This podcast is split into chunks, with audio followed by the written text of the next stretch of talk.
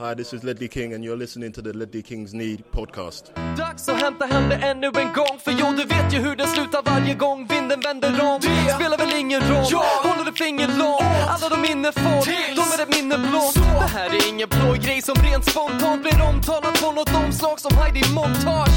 Eller Spencer Pratt är nog den endaste svenska MC'n som har en känsla för rap Så hey! släng upp en hand om du känner vad som sägs. Är nu en podcast coming your femman mannen och bara tryck på play Hey! Hey! Släng upp en hand om du känner vad som sägs Är nu en podcast coming your way Så ge mig mannen och bara tryck på play Hey! Välkomna till eh, Ledley Kings knäs VM-podd avsnitt nummer 3. Hur känns det Åkman? Det känns bra. Känns framförallt bra att sitta på Är du stark en, just idag? Ja, enligt t-shirten säger jag ju det. Men annars är jag inte det. Ja, du är den starkaste i podden. Ja, vad det är nu säger. Det säger inte så säger inte mycket. så mycket. Lite stark blir man ändå av det här det vi är nu. Det är faktiskt första podden som vi spelade in utomhus. Och vi gör det i ett väldigt soligt Karlstad. Och ja, det, är det ljud som kommer att störa så vet ni varför. Men vi känner, för, för min del i alla fall, så har semestern precis startat idag. Så jag, jag känner mig taggad. Eller inte taggad, avspänd snarare. Lite mer avslappnad podd då. Ja, Vi bryr oss inte lika mycket om eh, hur det kanske låter rent ljudmässigt och det här. Vi har också tagit lite semester. vi bryr oss inte riktigt hur, det- vad vi snackar om Prata för dig heller. själva här va? Precis, Nej, jag precis jobbar, börjat jobba. Ja, jag jobbar också fyra veckor till egentligen, men... eh, Ja, Jag ska inte göra någonting på två månader. Jag börjar, jag börjar Förutom, pressa i att, för, solen. för, förutom att köra podden då, precis allt som har med podden att göra får ju du göra då givetvis. Ah, Ja, då fick vi svar på det. Ja, Nej, Vad bra! ik- ikväll, ikväll kan jag inte. Nej, precis. Den, dis- den vanliga diskussionen vi lämnar på det, vem som ska skriva texten till svenska fans, där eh, och Per, VM och Per brukar tjafsa. Per har satt sig i en dålig förhandlingssits där nu med sin... Jag har inte ikväll- göra någonting i två månader. Ikväll, ikväll är en bra förhandlingssits. Jag ska faktiskt upp imorgon och åka och hälsa på eh, vår före detta medlem, eller nuvarande medlem faktiskt. Robin Donsfield. Han lever i alla fall. Han säger att han gör det i alla Ja. fall. Hur är det med? Eh, Det är inte bra just nu alltså. Nej. Nej då. England åkte ur tänkte jag. Det var... Ja. Tog för övrigt, var det något lag som vi gjorde sämre än en poäng? Var det något lag som det nollat helt i... Honduras. Ja, då, grattis England. Ni är inte sämst i VM i alla fall. Nej, England eh, oavgjort med Iran då. det får vi säga. Ja. Och Algeriet som tog fler poäng det här VMet än vad England har lyckats göra. Nej, fler mål har de gjort än vad England lyckats göra de två senaste mästerskapen. Miller och Klose har ju också gjort mer mål de senaste tre VM än vad England har gjort. De har gjort Mm. 24 tillsammans eller något sånt där var det. Ja, då har de ju 15 plus 9 och England har gjort 17 läste jag på Twitter. Ja, det var Vi kommer in på det här ganska naturligt där, förutom England, VMs största floppar. Vi har ju en till i den gruppen som är Ja. ganska naturlig, Italien. De är väl självklara där också. Jag minns hur jag sa när vi spelade in den första sommarpodden, eller VM-podden så kallat Sprättlätt. England, Italien går vidare. Ja, Det var inte så sprättlätt. det var verkligen inte spelfläsk. Ja, jag sa Italien och sen antingen Uruguay eller i- England. För jag var så övertygad om att Italien skulle ta sig igenom. Men Italien som Nej, var så ni, fina ni 2012. skrattade ju verkligen åt mig när jag sa Costa Rica etta. Ja, precis. Ja, det gjorde vi. Det glöm... Tråkigt var att vi inte spelade in den när du sa bara. nej. Vad jag minns. Nej, men jag vill faktiskt... Costa Rica var ju faktiskt gruppens bästa lag också. Jag vill, jag vill faktiskt lyfta ett annat lag som inte liksom lyfts upp så mycket som en flopp, men som faktiskt i mina ögon är en flopp. Därför att jag hade så oerhört höga förväntningar på dem. Det är Kroatien. Lyfter man upp en flopp? Man sänker en flopp kanske. Är det det man gör? Jag vet inte. Du sa väl alltså, lyfta upp en Ja, han ville prata om en Prata om Ja, Kroatien. ja. var inte, men det är ju för att det var en ganska tuff... Alltså de hade ju... Visst, de hade en jättetuff grupp, Brasilien, men... Mexiko. Men jag tror snarare det var Mexiko som var underskattade. Mm. Vilket jag... De, jag tycker att Mexiko var bättre än Kroatien i... De borde ha tagit eh, fler poäng till och med. De kunde ha slagit Brasilien. Det kunde inte Kroatien på samma nivå tycker inte jag som... De blev rånade på en poäng medan Mexiko borde nog kanske till och med tagit tre. De hade minst lika många målchanser Mm. som Brasilien. Nej, för jag tänker Kroatien, det är ändå ett, ett lag som... Alltså, spelet gick inte i, i liksom stiltje eller någonting sånt. Det spelet fungerade, men det var resultaten som inte kom Ja, med. men Kroatiens senaste mästerskapen, det kanske är så man, man överskattar Kroatien. För jag Ja, har också en man. känsla av att Kroatien ska vara väldigt bra. Men de sista mästerskapen har de ju knappt, knappt lyckats med någonting. Alltså rent... De har inte kommit vidare från gruppen sen...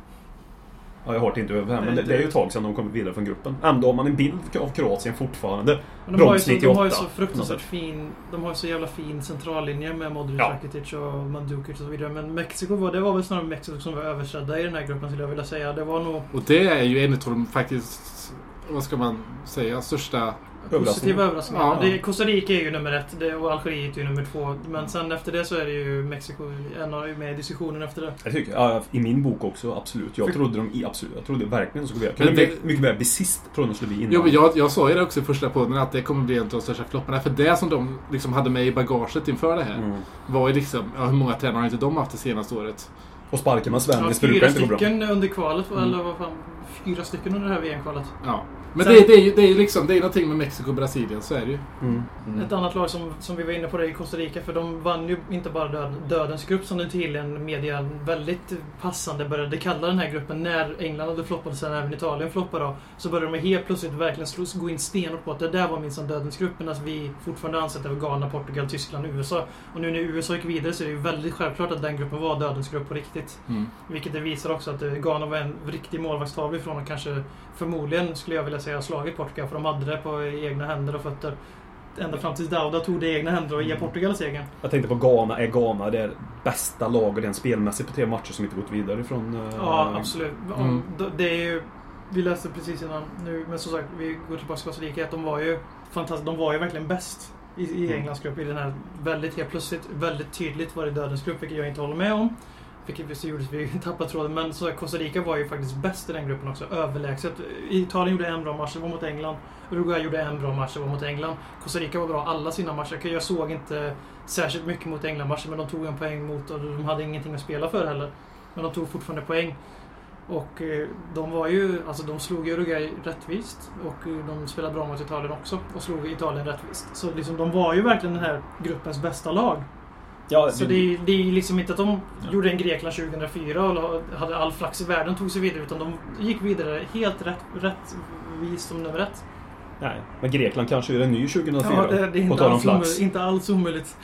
För det sätter de går vidare. Det, jag, jag sa, jag satt och kollade med den här matchen med en polare och jag sa när... Det skulle inte förvåna mig för att Grekland sätter 2-1. Det är så jävla typiskt Grekland inom parentes, sa jag till De den. gjorde sin inom parentes sa jag inte till den, men, men... Ja men exakt, och de gjorde... Speciellt när Elfenbenskusten brände det här superläget jämt innan de får Av straffen. självisk, av självisk, själviskt spel helt enkelt. Ja, precis. Och så ja, biter de i röven helt enkelt. Mm. Dubbelt upp. Men det, det kändes ju inte som att det var på gång när de fick de där två tidiga skadorna i matchen. Att det här liksom... Nu... nu Nu Nu gör händer de det. med Grekland, ja. ja. Mm. Och sen vill jag bara påpeka att Grekland går alltså vidare och har gjort ett spelmål. Ja. Det, det är imponerande. Eller så är det jävligt eh, inte imponerande av de andra i den gruppen. Det beror på hur man väljer att se det. Och jävligt mycket Grekland. Mm, Det är väldigt mycket Grekland. Och när Grekland gör det så blir jag charmigt på något sätt i min bok. Att, ja i, I min bok är ju Costa Rica-Grekland den absolut sexigaste åttondelsfinalen. mm, ja, ja, du jobbar vidare med den här lite mer underground-gruppen som du Ja. tyckte var den sexigaste. Ja, jag, tippade, jag tippade ju den åttondelsfinalen för länge sedan. Ja, jo. Ja, det är ju en öppen bok. Holland har ju en öppen bok vidare till en semifinal nu. Ja. Ja, England, eller i Holland som kallades i den här podden som att det skulle bli VMs största flopp. Det, där fick vi äta Ja. upp ordentligt. Ni skrattade åt mig när jag sa att det inte skulle bli så. Ja. Det är väldigt vad rätt du har haft Ja. på förhand. Ja. Jag får gratulera. Ja, det här är mitt VM på väldigt många sätt. Ja, jag tycker det. Eh, framförallt USA som lyckas på det. Vi snackar om vad som är välförtjänt och inte. Det är ju inte helt välförtjänt får jag säga. Ghana är bättre än Tyskland i den här matchen. Portugal är bättre, bättre- än, bättre. eller bättre än USA. Portugal var bättre än USA i den matchen. Eh, Tyskland var ju såklart bättre än USA. Och USA har inte varit bättre i, än, än sin motståndare i någon match, men ändå har de lyckats gå och vinna. Och det, det, är, det är lite Grekland över USA. USA det är väl... väldigt mycket Spurs över, över det där tycker jag. Det låter väldigt synonymt med Tottenham. Det gör det verkligen inte. verkligen inte. Eh, nej, men det har ju, som vi har sagt många gånger förut, jag är inte den första som säger det här, men fotbollen är ju, alltså det här är ju det mästerskapet som faktiskt, man verkar varenda mästerskap nästan sagt att nu slår det igenom i USA. Och så verkar det också göra. Jag pratade lite med mina, eh, min gammelfaster och gammelmorbror, eh, gammelfarbror som bor i Arizona nu för att liksom känna av tempen lite grann sådär. Och, och de säger, de säger exakt samma sak. Det är ingenting som vi hittar på. Liksom, att det, det är nu det verkligen blommar upp där borta. De sa liksom att vart de än går, de har köpt en ny bil i, i, igår och bilhandlaren har liksom satt upp liksom TV-apparater och liksom sänder det liksom dagen runt och 25 miljoner tittare på, senare mot eh, Portugal. Jag vet inte hur många det var mot Tyskland. 25 miljoner. Det slog rekordet igen det, det, högt uppsatta chefer i, inom både statliga sysselsättningar och andra gav ledigt till folk för att kunna se matchen mot Tyskland. Mm. Det var Andrew Cuomo som gav ledigt till alla New Yorks Mm. tjänstemän. Men... ehm, Nej men det, det, de är, det var lite roligt också för när, när jag, när jag pratade med min gammelfaster där så förstod hon inte så här. För, de, för amerikanerna tycker tydligen att det är väldigt komplicerat det här med gruppspel. De, de, är inte så Förstår- vana. de de förstår förstod, inte- de förstod inte det. alls hur man kunde gå vidare, eller, eller förlora och ändå gå vidare. Eh, så de tyckte det var bra nu när det började så här, knockout stages, att nu, nu Det- blir det de enkelt så här-. Tydlighet. Tydlighet, Mm. exakt.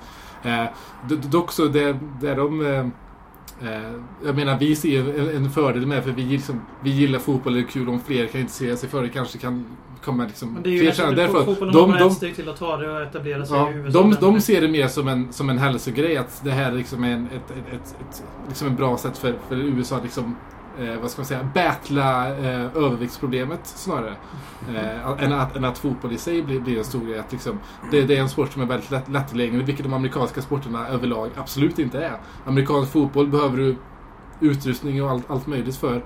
Eh, baseball, samma sak. Basket också kan vi väl säga. Så det är liksom... Ja, det är inte bara påhitt det, det man har utan det är liksom...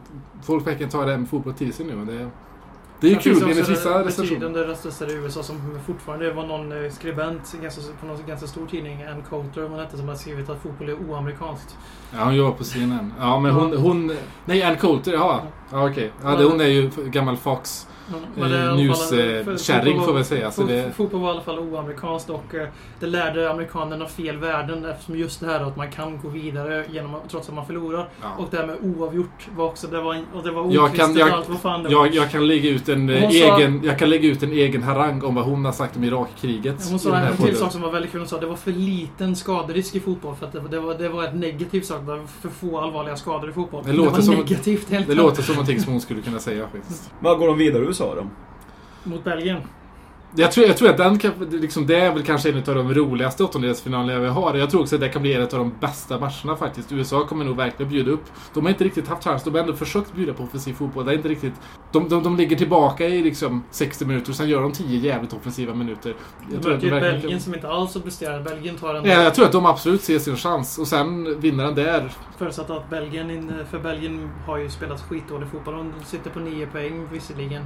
Vertongen avgjorde mot, nej, mot Sydkorea. Men ja, Belgien har inte presterat någonting. Nej, å andra sidan så har de inte, de har inte satt på så mycket prov heller, Nej, får man säga. det Det, är det, är samma sak med Argentina, att man klankar ner på dem. Det har jag också gjort, men vad fan, de har, alltså, de har inte behövt göra så jävla mycket. Nej, men det jag Ar- menar. Argentina har, inte fungerat. Argentina har inte fungerat alls som ett lag, men de har inte behövt fungera som ett lag. Men så jag såg det väl ut när Spanien vann VM förra, förra absolut. VM Men 2010. det är liksom att de växlar upp. När de får motstånd så tar, lägger de in nästa växel naturligt. Och då har inte USA en räkmacka mot eh, Belgien om de lägger in nästa växel. Men om, de inte, om det här är deras nivå.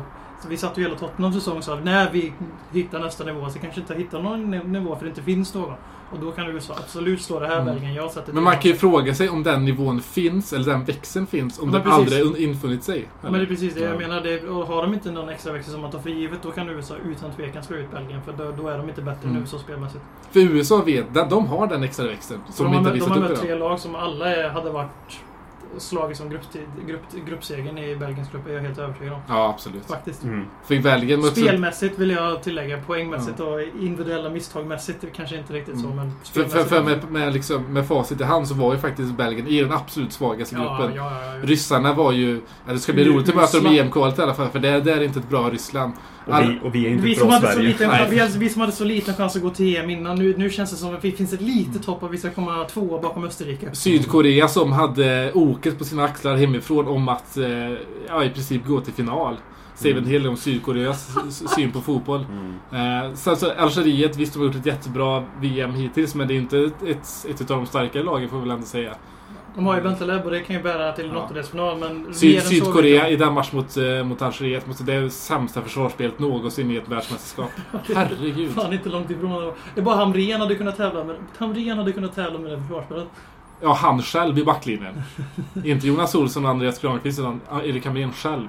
Ändå måste jag... Alltså, Sydkoreas försvar var bedrövligt, men det var ändå roligt att se sättet Algeriet försökte spela fotboll på. Att de eh, tog tag i taktpinnen och gjorde det de kunde. Och de sägs vara duktiga på att spela offensiv fotboll och försöka diktera villkoren lite själva. För det såg man också skillnaden. Ja, men de är inte rädda för något. Nej, men man såg skillnaden mellan första och andra halvlek mot Ryssland tyckte jag. För första halvlek mot Ryssland, då, då blev det mer på Rysslands villkor. Och i andra halvleken så bjöd i alla fall Algeriet upp lite grann och försökte spela på deras villkor. Då blev, tyckte jag i alla fall att det blev en helt annan, annan, annan, en helt annan halvlek än första halvleken så att säga. Mm. Sett ur algeriska ögon så att säga. Om jag nu får vara den som har algeriska ögon på mig. Men eh, att de, eh, om man får titta framåt, att de skulle gå längre än vad de redan gjort. Det, eh, nej, det var ju svårt att se. Men att de har gått vidare första gången någonsin till är en de, andra de och runda. Grekland va? Som är första, första gången de går vidare. Ja, det kan man ju alltid lyfta på hatten åt i alla fall. Ja, absolut. Sen, eh, sen är det lite så här som jag brukar säga, när lag firar som att de redan har vunnit VM-guld, alltså gör en West Ham, när de går vidare till åttondelsfinal, då talar det ofta ganska, då är det ofta ganska negativt omen för slutspelet sen i sig. Ja, så det. Man får inte dra för stora växlar av det, men det är precis Algeriet, det är så stort för dem och det, man kan säga det här i leda om Grekland och Algeriet, att de borde inte fira så. Det, det är klart som fan man gör, man är i historieböckerna i det landet för evigt. Mm. Och det här är ju liksom, för Greklands fall så är ju det här det näst största som hänt i deras fotbollskarriär, eller fotbollshistoria efter det, det är helt osannolika EM-guldet. Mm. Och det är, liksom, det, är, det är lätt att säga, men det är svårt och när man väl är på plats och är delaktig så är det nog jävligt svårt att tänka nu jävlar, nu ska vi ladda för nästa match och Mm. gå ännu längre. Man trodde ju inte att det var Algeriet som skulle liksom försvara Afrikas heder i det här mästerskapet. Nej. Det trodde man verkligen inte på förhand. Nej, men eh, det ser väl så ut nu i alla fall. Så. Ja.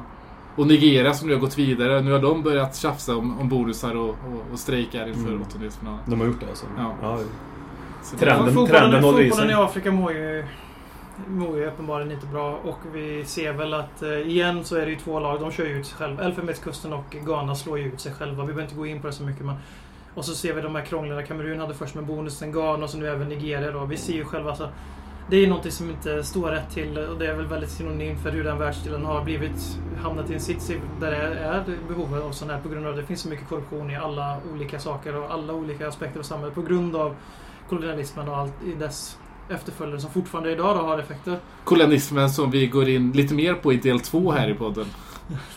Nej, men det, är så, det är tråkigt att se för det är både vid sidan av men även på planen så Afrika spelar bort sig själv i den här VM-turneringen. För jag tycker att Ghana utan tvekan hade fan mig... De har spelat, när de spelar offensiv fotboll, då, har de fan spelat Mm. topp tre i den här turneringen. Bästa lag vill jag väl säga. De är i alla fall där uppe och nosar. Men det, när man för sitt liv inte kan försvara, då, då hjälper det ju ingenting. Nej. Och väldigt, väldigt, väldigt, väldigt De synd är om... ah, Colombia utan backlinje. Ja, verkligen. Helt Men det är lite synd, för det känns som att Afrika för varje världsmästerskap som, som har varit som ett, tagit ett steg framåt hela tiden. Tills nu. Känns det för första gången på länge som ja, afrikansk fotboll har tagit ett steg tillbaka. Och det är också afrikanska lag som faktiskt är inne lite på slutet av sina gyllene Ja, generationer absolut, också. Absolut. Så- Framförallt FNB-kusten. Nu är det, det här är slut för deras Ja. gyllene generation. Så nu kan man ställa sig frågan, jag menar, liksom, afrikansk fotboll de närmsta tio åren, hur kommer det se ut? Hur kommer Precis, de, hur, precis. hur kommer de liksom konkurrera i, i framtiden? Samtidigt är det väl första gången två afrikanska lag har gått vidare till Ja. åttondelsfinal. Alltså, Absolut. så det finns, man kan ju... Men jag håller väl med i stort känslan. nu är vi inne på Magkänslan. diskussionen Mm. om Nord och Västafrika. Magkä magkänslan är ju den också för min egen del att afrikansk fotboll kanske går lite bakåt och de har svårt att ta det där sista steget som folk kanske pratar om i 20 år. När ska vi få en, inte en vinnare men kanske en semifinalist i alla fall som Ghana Mm. bara var en hands ifrån. Men eh, de är ju ändå fortfarande, här och nu så är det deras bästa VM. Nu tror jag båda ryker men eh, det är första gången de har två stycken 16-delsfinaler. Mm.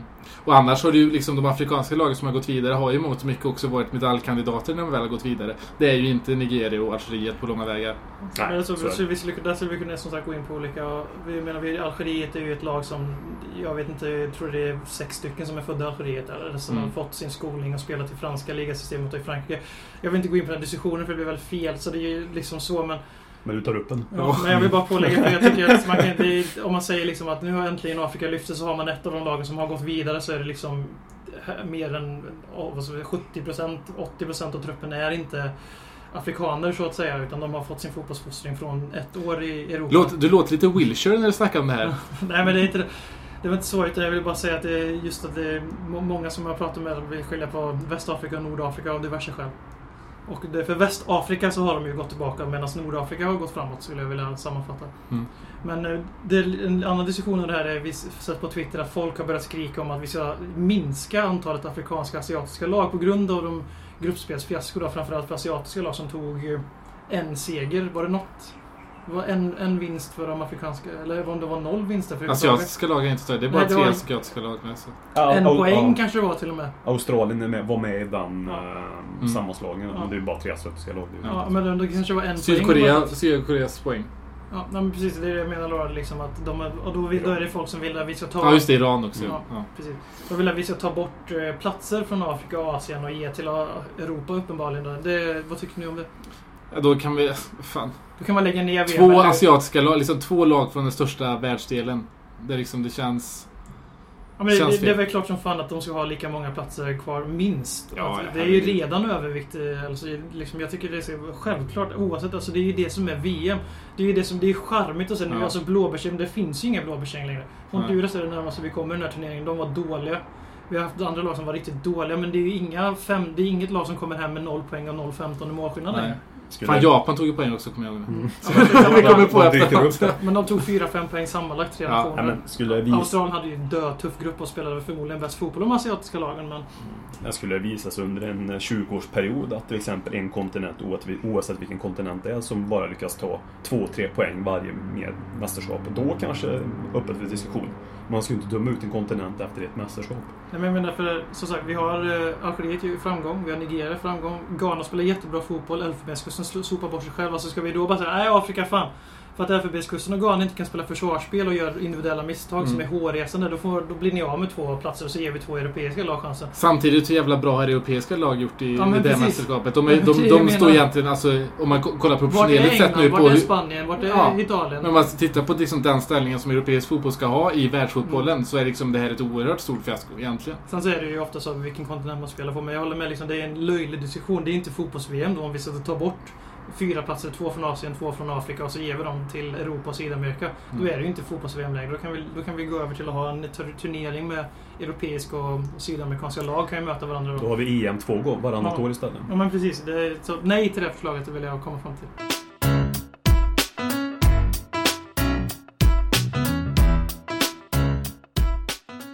Jo, då dyker vi rakt in på åttondelsfinalen. Vi har redan rört de två roligaste åttondelsfinalerna.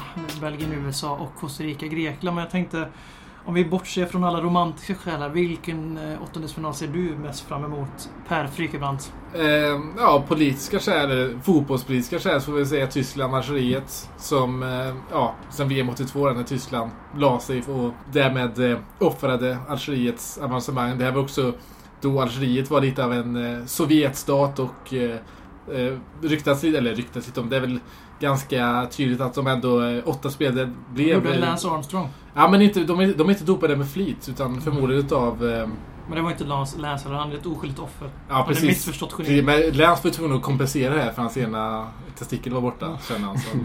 Och det kanske var det som var fallet med Algeriet, att de behövde kompensera någonting. Eh, men de är alltså, det är ju åtta spelare tror jag som har liksom fått deformerade barn efteråt. Och nu är de liksom då vidare till sist. Så det är såklart att... Det är, stor, det är en snackis där Algeriet. Det här Mm. det är revan, revanschismen är stor för det här, det som hände 82. Mm. Så det är absolut ingenting som vi sitter och snackar upp här. Utan Nej. det är ju alltså... Det är många som vädrar blod nu att de ska hämnas på tyskarna. Ja. Och det, det här är ju första gången som Bentaleb hört talas om det här. Det här har han aldrig hört talas om. Ja, han var, Men det, det blir kul för honom i alla fall att få, få känna på, på moderlandet. han var ju inte ens nära att vara tilltänkt 1982. Nej, nej, men han, han, tragiskt ung han var. Eller är. han har ens varit i Algeriet någon gång innan. Jag vet inte, jag läste någon eh, engelsk magasin om den här algeriska VM-truppen det var upp mot 10 spelare som hade satt sin fot i Algeriet före VM-samlingen.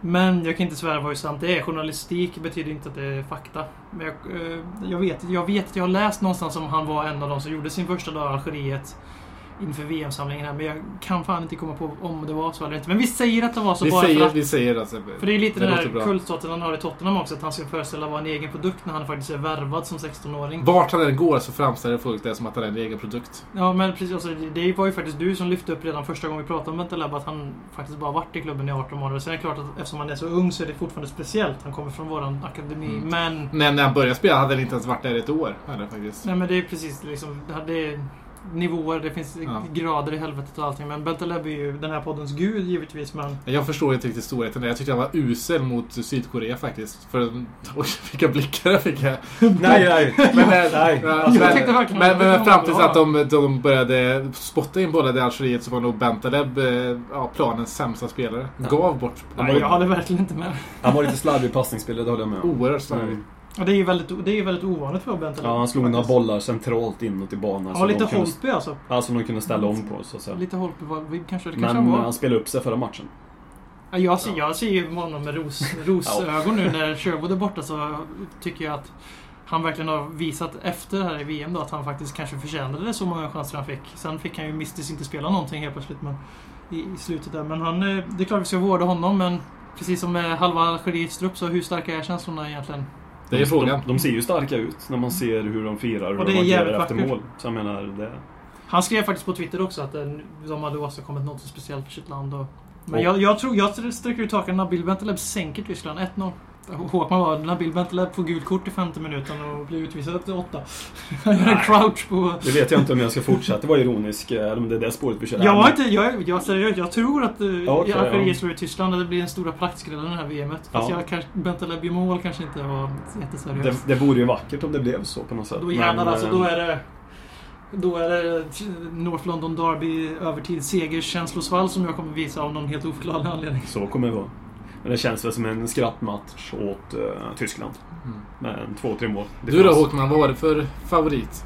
Nej, Colombia Uruguay ser jag verkligen fram emot. Eh, då det är mycket av den anledningen till varför jag gör det. Jag kunde lika gärna varit Brasilien, Chile, men... Det är kokset i de båda länderna. Som du uppskattar. Ja, det är två anledningar varför jag ser fram emot det.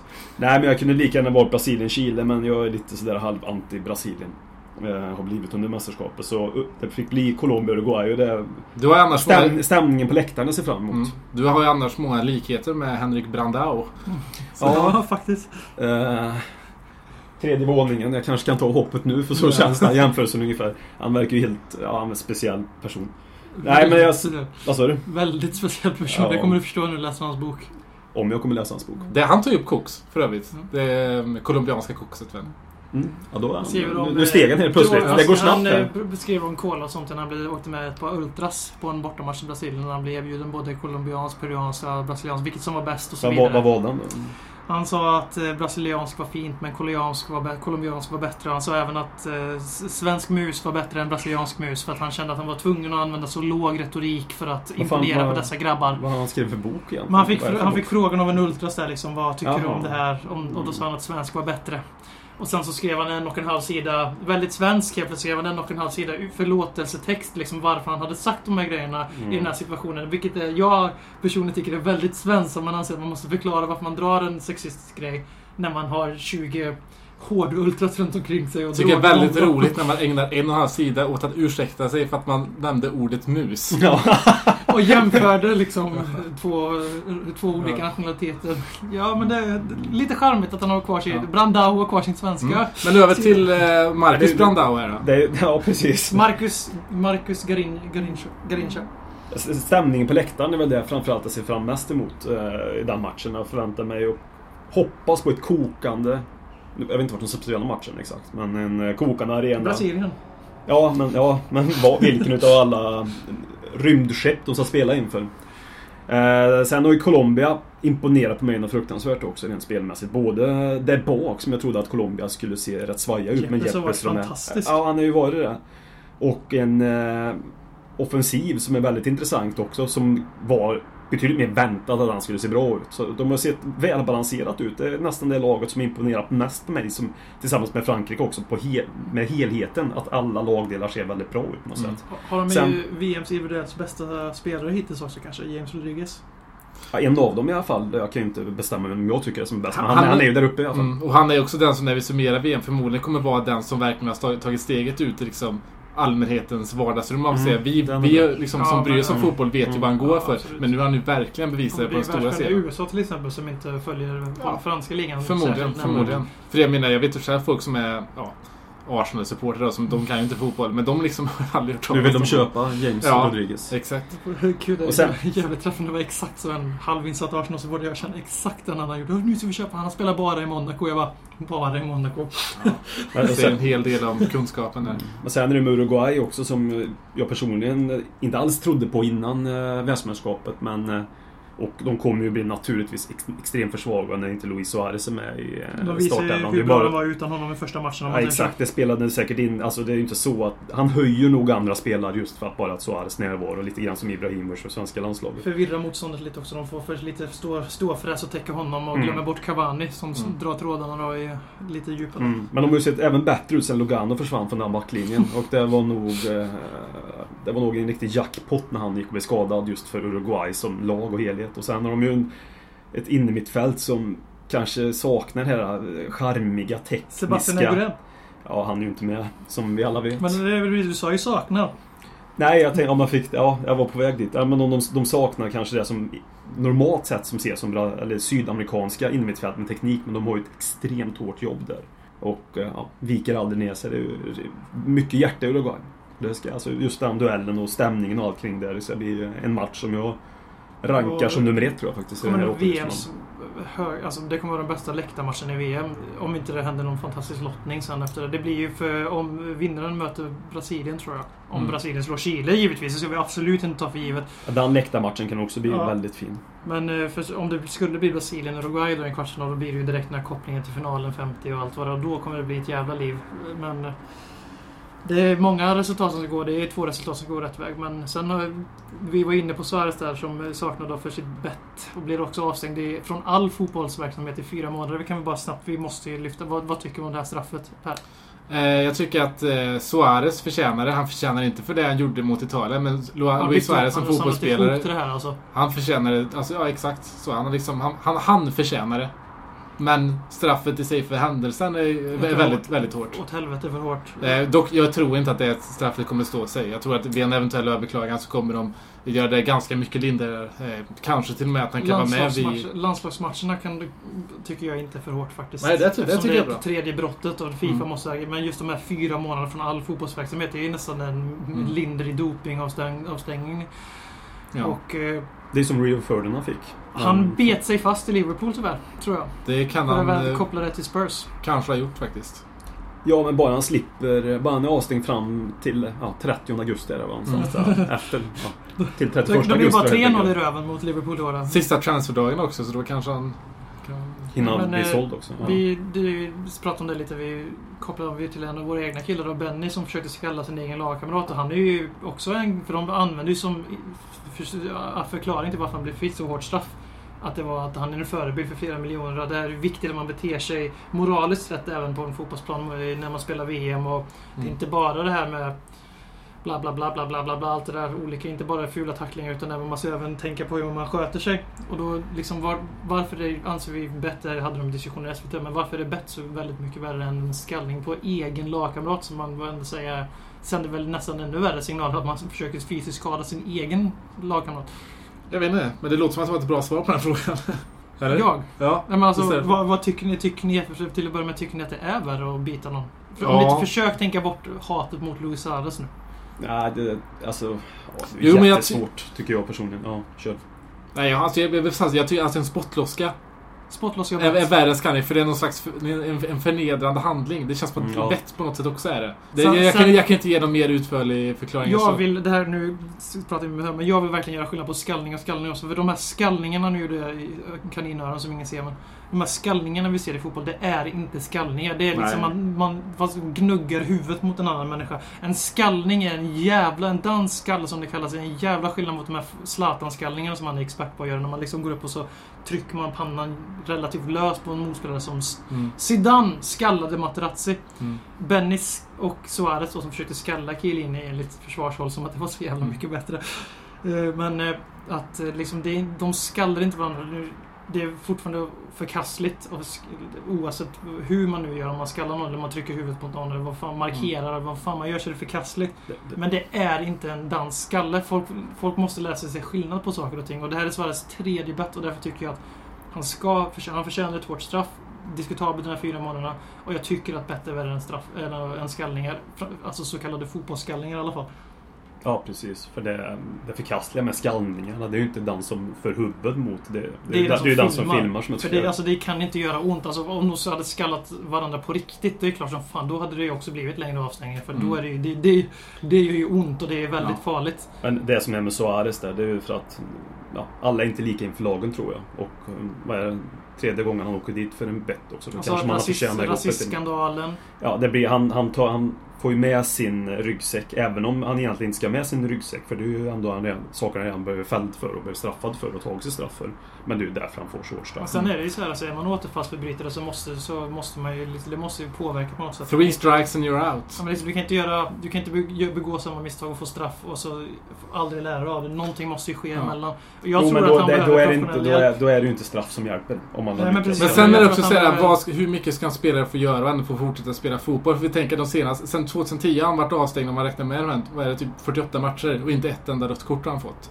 Nej, Han har liksom missat mer, mer än en fjärdedel av Ja. liksom alla matcher de senaste fyra åren. Och inte ett enda rött, nej. nej. Nej. det, det, Och det är liksom- det är intressant. Liksom så jag har haft hur... ett par röda då för när han har gult kort och sen filmat bedrövliga filmer. Ja, alltså att han ska ha ett rött kort, det, det, det är inget snack om saken. Men nej, jag vet inte. Alltså, jag, Luis Suarez är ju faktiskt, får man nog fan med säga, att han är ett av de största, alltså på riktigt verkligen är ett av de största rötäggen i fotboll. Alltså inte bara, han spelar inte fult, han spelar inte brittiskt rötägg som, om man ser den typiska nordeuropeiska bilden av ett rötägg, någon som tacklar upp i knäna. Psykiskt sjukt rökt. Ja, ja, men alltså, han är verkligen han är en vidrig fotbollsspelare. Alltså, han, alltså, det här är ju medvetna attacker alla de här tre betten. Den mot Ivanovic är ju absolut värst. Han Ja. tar tag i armen, drar armen emot sig och hugger. Mm. Men alltså det, det, det är ju alltså...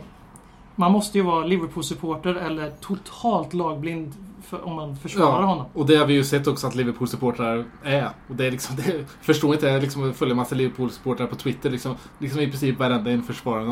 Mm. Det är det jag skulle vilja å- återknyta till lite, att, att folk när de säger typ ja, jag, jag beundrar dem väldigt mycket som fotbollsspelare, men eh, bla bla bla.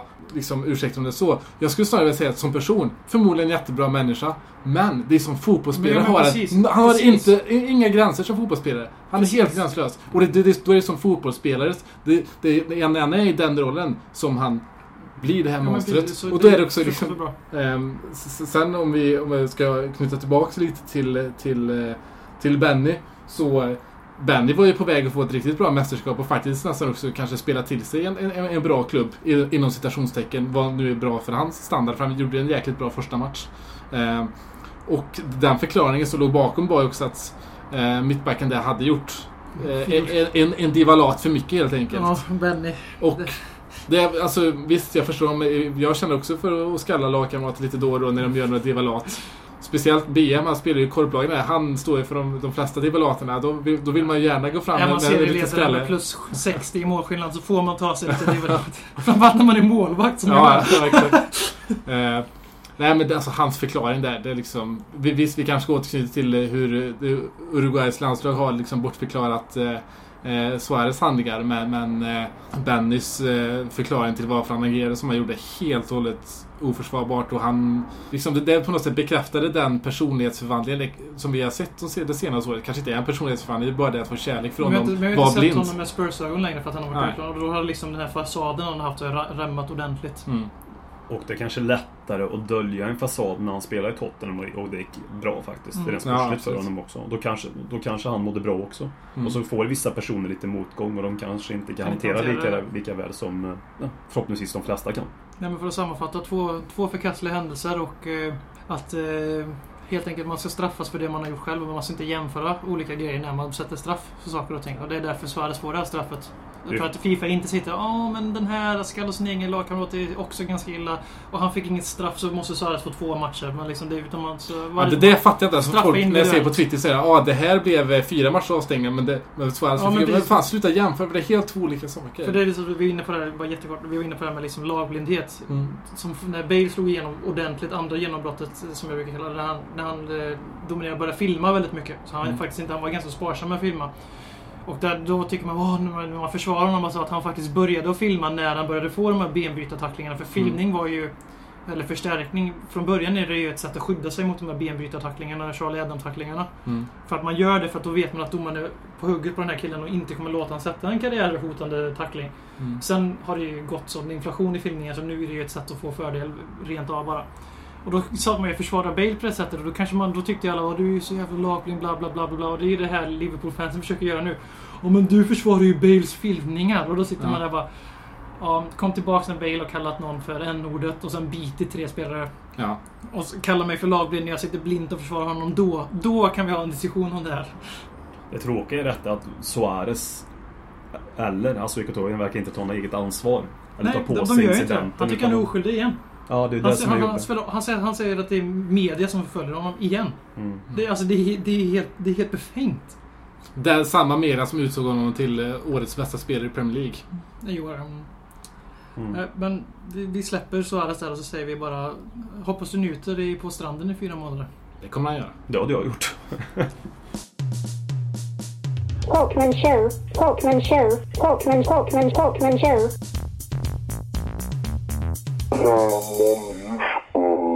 Då tänkte jag prata om nationalsånger och jag har inte riktigt förberett exakt hur jag ska uttrycka mig eller säga. Som jag sagt, detta är Semesterpodden numera, från och med idag.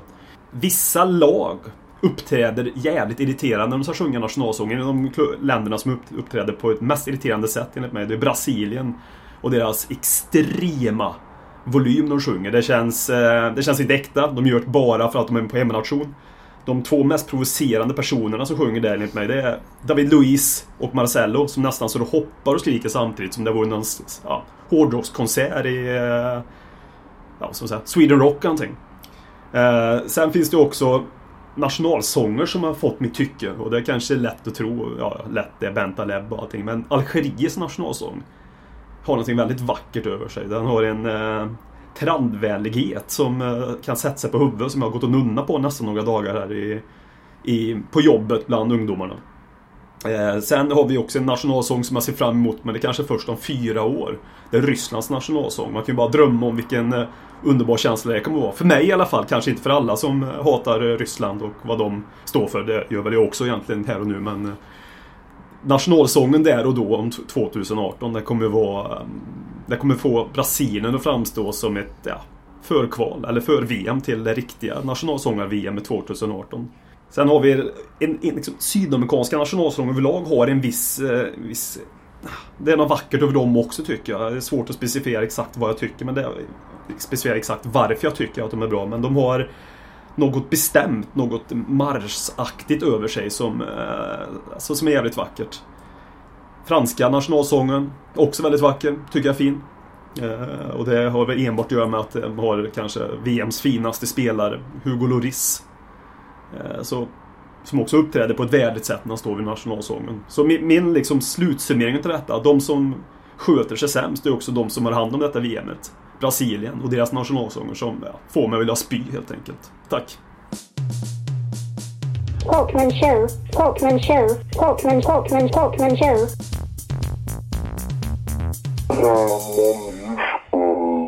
Sådär, vi tackar Håkman för den fina Håkman show. Eh, vi börjar närma oss slutet på den här eh, semesterpodden får vi kalla det. Eh, som vi sa innan att vi ritar inte upp någonting från den här podden ska se utan vi bara kör på. Det kan ha gått åt helvete men det, det får ni ta i så fall för vi, vi, vi, vi vill ha den här semesterpodden. Lite kul grej är, är faktiskt ett nytt inslag i den här podden som faktiskt kommer att eh, komma tillbaka många, många, många veckor framöver. Eller avsnitt framöver ska vi kanske säga. Eh, Och jag lämnar helt enkelt över ordet till eh, vår käre Marcus Branda och Håkman. Tackar, tackar. Eh, vi ska ha en tävling där vi ska ge ut idolkort med autograf på till eh, den som ja, vinner tävlingen helt enkelt. Och den som har sponsrat oss med detta är Kjetil Fjällstad som vi alla tre skickar ett stort tack till för att han har ställt upp som, eh, ja, och gett oss de här idolkorten. Den första tävlingen utav många, hur många vet vi inte riktigt där, men det är många, kommer vara den som ger bäst formulering om Wilsons Palacios tid i Tottenham eller som person. Och vad ska jag säga om tecken? 140 tecken som ett Twittermeddelande ungefär, däromkring. Det är bra. Och hur, hur ska man twittra och på vår Facebook-wall då? Att man lägger Ja, på... kan man göra. Men det ska vara ungefär 140 tecken så Mm. alla har samma förutsättningar till att göra detta. Alla har ju inte Twitter så då får man hålla sig inom Twittermängden så att säga i te- till tecken. Då ska ni skriva någonting fint, eller någonting dåligt, eller någonting bra, eller Någonting roligt om Wilson Palacios. Det är helt upp till er. Men det ska vara om Wilson Palacios i alla fall. Så gör alltså det här på vår Facebook-vägg får vi kalla det. Vi Mm. heter ju Ledley Kings knä där. Eller till oss på Twitter. Och då är det alltså at Ledley Kings kna. kna. Eh, Så då, då försvinner det några tecken där i och för sig. Och eh, vi tre ena, enas om vilken som... eh, ja, vi tycker är bäst helt enkelt. Mm. Så skickar vi ett eh, signerat idolkort av en Spurs-spelare till Ja. denna person. Och vi kan säga att den högen av signerade idolkort, det är väldigt många fina spelare där. Alltså Ja. det, är inga, det är inga dussinspelare som är det, ska ni, ska ni veta. Ja, Det är ju spektrum från ända från 88 till dags Ja, det datum inga- så att säga. Det är inga nobody som eh, Benjas och Ekoto direkt. Nej, men eh, vi, kan, vi kan väl... Vi kan väl jämt eh, namedroppa en och annan. Erik Lamela finns Erik, eh, signerad. Paul Walsh finns signerat. Ja, Och så även André Vias Boas då, för de som gillar vattendelare. ja. Vi, vi, det räcker det så att det är lite mystik fortfarande kring det. Men återigen tack till Kjetil Fjällstad som eh, sponsrar oss. Mycket, mycket stort tack. Vi går direkt in på frågorna. Och vi börjar med Niklas Flamström som har skrivit till oss på Twitter. Hur överlever man under de VM-fria dagarna? Man kollar på Superettan. Superettan. Man eh, läser om Spurs på ITK, Svenska fans, alla rykten du kan hitta. Mattias Holmén skriver på Twitter. "Prat- Prata Dawson. Förtjänar han inte att få vara kvar? Kan trotjänare och framgång gå hand i hand i Spurs 14-15? Vi kan ju säga det här till dem som inte riktigt har hängt med i snacket i media att det ryktas väldigt, väldigt eh, mycket kring Dawson till framförallt Hull City. Att han ska göra Jake Livermore sällskap som ju faktiskt har gått den vägen nu för 8 miljoner pund. En ganska saftig prissumma för eh, Det är rätt många miljoner mer än vad Garay går till Zenit för. För att få en liten måttstock. Ja. Men vad säger vi om Dawson? Ja, alltså, jag vill ju ha kvar Dawson och sen om... Eh, alltså, Dawson ska ju inte vara ett eller två där bak. Utan Dawson ska vara trea, fyra. Dawsons personlighet, den bilden jag har utav Michael Dawson som en glädjespridare. Aldrig sett honom eh, med ett... Eh, se ledsen eller besviken eller besviken. Han har aldrig sett en arg ut. Han har alltid ett, ett glatt ansikte. Eh, jag tror han är bra i en trupp att ha. Och eh, sen om... det är ju inte per automatik att man har framgång bara för att de får vara kvar, men eh, inte to, ja, trea, fjär, som tredje, fjärde back skulle ha kvar. Mm. Mittback alltså. Vi hade ju den här diskussionen eh, AVBs första säsong där när han var på, verkligen var på väg bort Dawson. Och då var jag faktiskt ganska okej med det för han var inte spelande nog för det sättet vi ville spela fotboll på. Men han eh, slog sig tillbaks och bevisade, motbevisade alla. Och sen eh, nu är han ju i den rollen, han skrev ju på ett nytt kontrakt under den vevan någon gång där efter han hade kommit tillbaks. Och, eh, så om han är på det klara med att han inte är garanterad detta två, alltså han inte tror, han gör inte en KK helt enkelt. Så, så länge han eh, accepterar att vara med i en trupp, han är ändå, börjar ändå närma sig gammal ålder för att vara fotbollsspelare. Så, liksom, så länge han är okej med att inte vara garanterad första man så ska han självklart vara kvar i truppen. För man behöver ha kvar de här killarna som verkligen bryr sig om hur det går för Tottenham, som har en relation till klubben över många år. Som till exempel Aaron Lennon, det är också en kille vi ska ha kvar. Prioritera sådana truppspelare över att ha, köpa truppspelare. Alla som har någon typ av så kallat Tottenham-hjärta. Men hur dålig kan man vara och ändå få stanna kvar bara för att man är en trotjänare på något sätt? Ja, Jake. Livermore var ju ett ganska bra exempel. Han är ju såld nu. Han är ju Tottenham true and true från början. Som Michael Dawson som har gjort, vad är det, 10-11 år snart i klubben. Mm. Så kan man enligt mig vara väldigt, väldigt dålig. Jag tycker det är nästan upp till Michael Dawson själv när han vill lämna eller inte. Vi ska inte tvinga honom bort från klubben. Är inte Pocks spelsystem lite mer... Eh, utsätter Dawson för mer fara än vad till exempel AVB skulle göra? Han har ju spelat med José Fontis och 15 så där är ju Dawson bättre. Men jag förstår ju vad du menar men eh, ja. Jag kommer ta uh, någon taktisk analys, jämförelse mellan Bielsa och Puck, eller Puck. Och, Puckettino så, så sa de att de, när de inte är bollförande så droppar en av mittfältarna ner som en extra mittback för att skydda. Så att det snarare tvärtom skulle jag väl säga. Att, och även att de har en mittfältare som droppar ner och hjälper till i uppspelsfasen. Då, Det så- blir alltså Sandro som kör spel, Inte- ja. spelfördelningarna. Ytterbackarna är väldigt offensiva och Mm. vi har... eh, Så det tror jag det det funkar. Men då, eh, vi, vi följer upp det där lite med Pock och mittbackar och eh, vi följer också upp Fjällstad-spåret. Vi går in på Benjamin Fjällstad som skriver Är Dejan Lovren rätt för Spurs om det är honom vi kommer lägga krut på? Och det kan vi återigen säga för er som inte hängt med att det, ITK har också nästan sagt att det, att det är vi som är första valet vad gäller eh, Dejan Lo- eller vad, ja, Mm. för Dejan Lovren helt enkelt. Och att han kommer kosta multum eftersom han har gjort ett år och fyra i Southampton. och att, att du köper från en engelsk klubb. Jämförde precis Garay med Livermore. Och, Åh herregud, vi kommer pröva menar- 15, 15 till 20 miljoner pund för Lovren när Garay gick för 6 Ja. miljoner euro. Det är, Mm. ja, jag blir illamående. Och Liverpool har ju tagit ganska saftiga summor de, de har sålt. De sålde Shaw och eh, Lalana för totalt 60 miljoner pund. Sätter vi det i paritet med vad så 15 Milan menar du Ja, också. jo, är det andra gången alltså Liverpool har det. Sätter vi det i paritet med vad Milan fick för Thiago Silva och Zlatan. Alltså Det är patetiskt. 50 miljoner Det- pund. Det English Premium är ju så löjligt, men det, nu är det en år inte engelsk engelsman. Så vi kommer inte behöva betala 30 miljoner för honom i alla fall. Och vi har sagt Men- tidigare i en podd att Tottenham och Argentina hör ihop. Tottenham och Kroatien hör ihop. Så jag menar, jag vill verkligen nå den lovren. Det, Det ligger... to, det är meant to be helt enkelt. Jag ser gärna honom också, men jag tror vi kan få bättre framförallt för de pengarna när vi ser vad andra högklassiga mittbackar går för. Är han rätt för Spurs? Jag vet, jag, är- han är ju rätt för på Pucchettino, så givetvis han, skulle han väl förmodligen passa bra in i Spurs på det sättet. Men jag, jag, är, inte så, jag är inte så imponerad av honom. Jag, har- ser inte, jag har aldrig tyckt att han är något speciellt. Robert Folin skriver Bentaleb nästa säsong. Lån eller kapten? Kapten i sin nya klubb Real Madrid. Exeter City. Lån säger jag då. För att det är lån tänkte jag på min Exeter. Ja. Det är ju de som slog Brasilien, så jag menar... ja, eller ja, det, ja. Lika säger ryktena. ja, Vi jag vill alla- gärna tro att de slog Brasilien. Vi är alla rörande överens om i alla fall att han inte är kvar i Tottenham fast av, det- av olika skäl.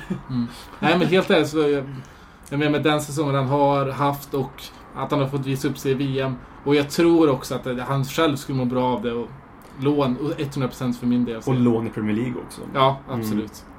För att det är det han lär sig i ligan också. Så. För att vara lite seriös också då. Är han med i våran 18-trupp, alltså matchtruppen, då ska han inte sticka någonstans. Då ska han vara kvar. Men Mm. om han inte platsar i matchtruppen, varför ska han ruttna på våran bänk? För när, när det säkerligen kommer finnas något lägre Premier League som vill ha honom. Det handlar ju faktiskt om att han, vi ska maxa hans potential som verkar vara... Vi har ju pratat om det förra podden att det verkar som att han kan ta vilka steg som helst för att han verkar inte bry sig så mycket när han går upp i nivå. Ge han till Crystal Palace så har vi en världsspelare. Ja men precis. Förutsatt att han inte är med i vår matchtrupp. Då vill jag hellre ha kvar. Dagens Tony Pulis. Alright, det var alltså allting för Semesterpodden den här veckan. Vi är tillbaka igen, vad säger vi? Fredag nästa vecka, ska vi säga det? Preliminärt. Då blir det en, en väldigt solbränd Per Frykebrant, hoppas jag. Eh, Hoppas Så nu jag regnar jag- till på onsdag enligt vädren. Ja, jag vet, men, Men det i finns, finns, finns andra sätt att, att kringgå det där. semester nu, så jag... Ska Du som försöka... hypokondriker kan väl inte sola i solarium? Ja, men du Brun vet. utan sol kör du istället. Ja, får köra det. Du, du solar i solarium och gråter på natten utav ångest. Tack för oss. Hej. Dags att hämta hem det ännu en gång. För jo, du vet ju hur det slutar varje gång vinden vänder om. Det spelar väl ingen roll, håller du finger långt. Alla de minne får, de är ett minne blått Det här är ingen blå grej som rent spontant blir omtalat på något omslag som Heidi Montage. Eller Spencer Pratt, är nog den endaste svenska MC'n som har en känsla för rap. Så hey, släng upp en hand om du känner vad som sägs. Är nu en podcast coming your way. Så ge mig femman mannen och bara tryck på du känner vad som sägs. Är nu en podcast coming your way. Så ge mig femman mannen.